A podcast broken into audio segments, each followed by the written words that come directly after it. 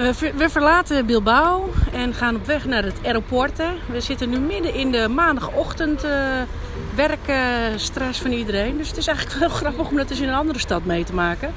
Eh, we zitten bij allerlei bussen en auto's en mensen die heen en weer rijden. Kindjes die in eh, schooluniform naar school gaan. Ook heel schattig om te zien. Dus eh, nee. En veel toeristen. En werkende mensen.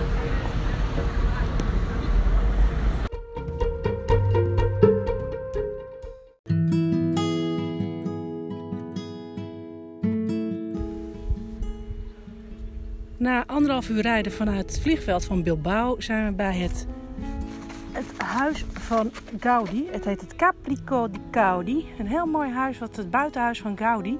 Met prachtige omringde zonnebloemen. Het is heel bijzonder. We zijn nu in het plaatsje Comillas. Het is eh, schitterend weer. Een graad of eh, 26. En hoe kan ik het omzetten? Eh, het, eh, het is een soort villa met een heel lief torentje. Een soort eh, torentje waar een, eh, nou, een prinses eh, in opgesloten zou kunnen worden. Met een hele grote tuut in, aan de bovenkant.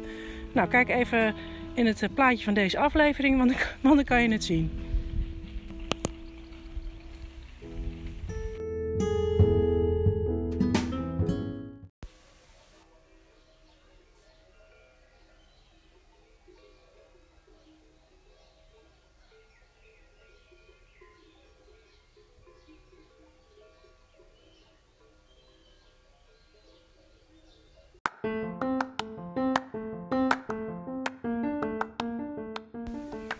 We zijn aangekomen in ons natuurhuisje.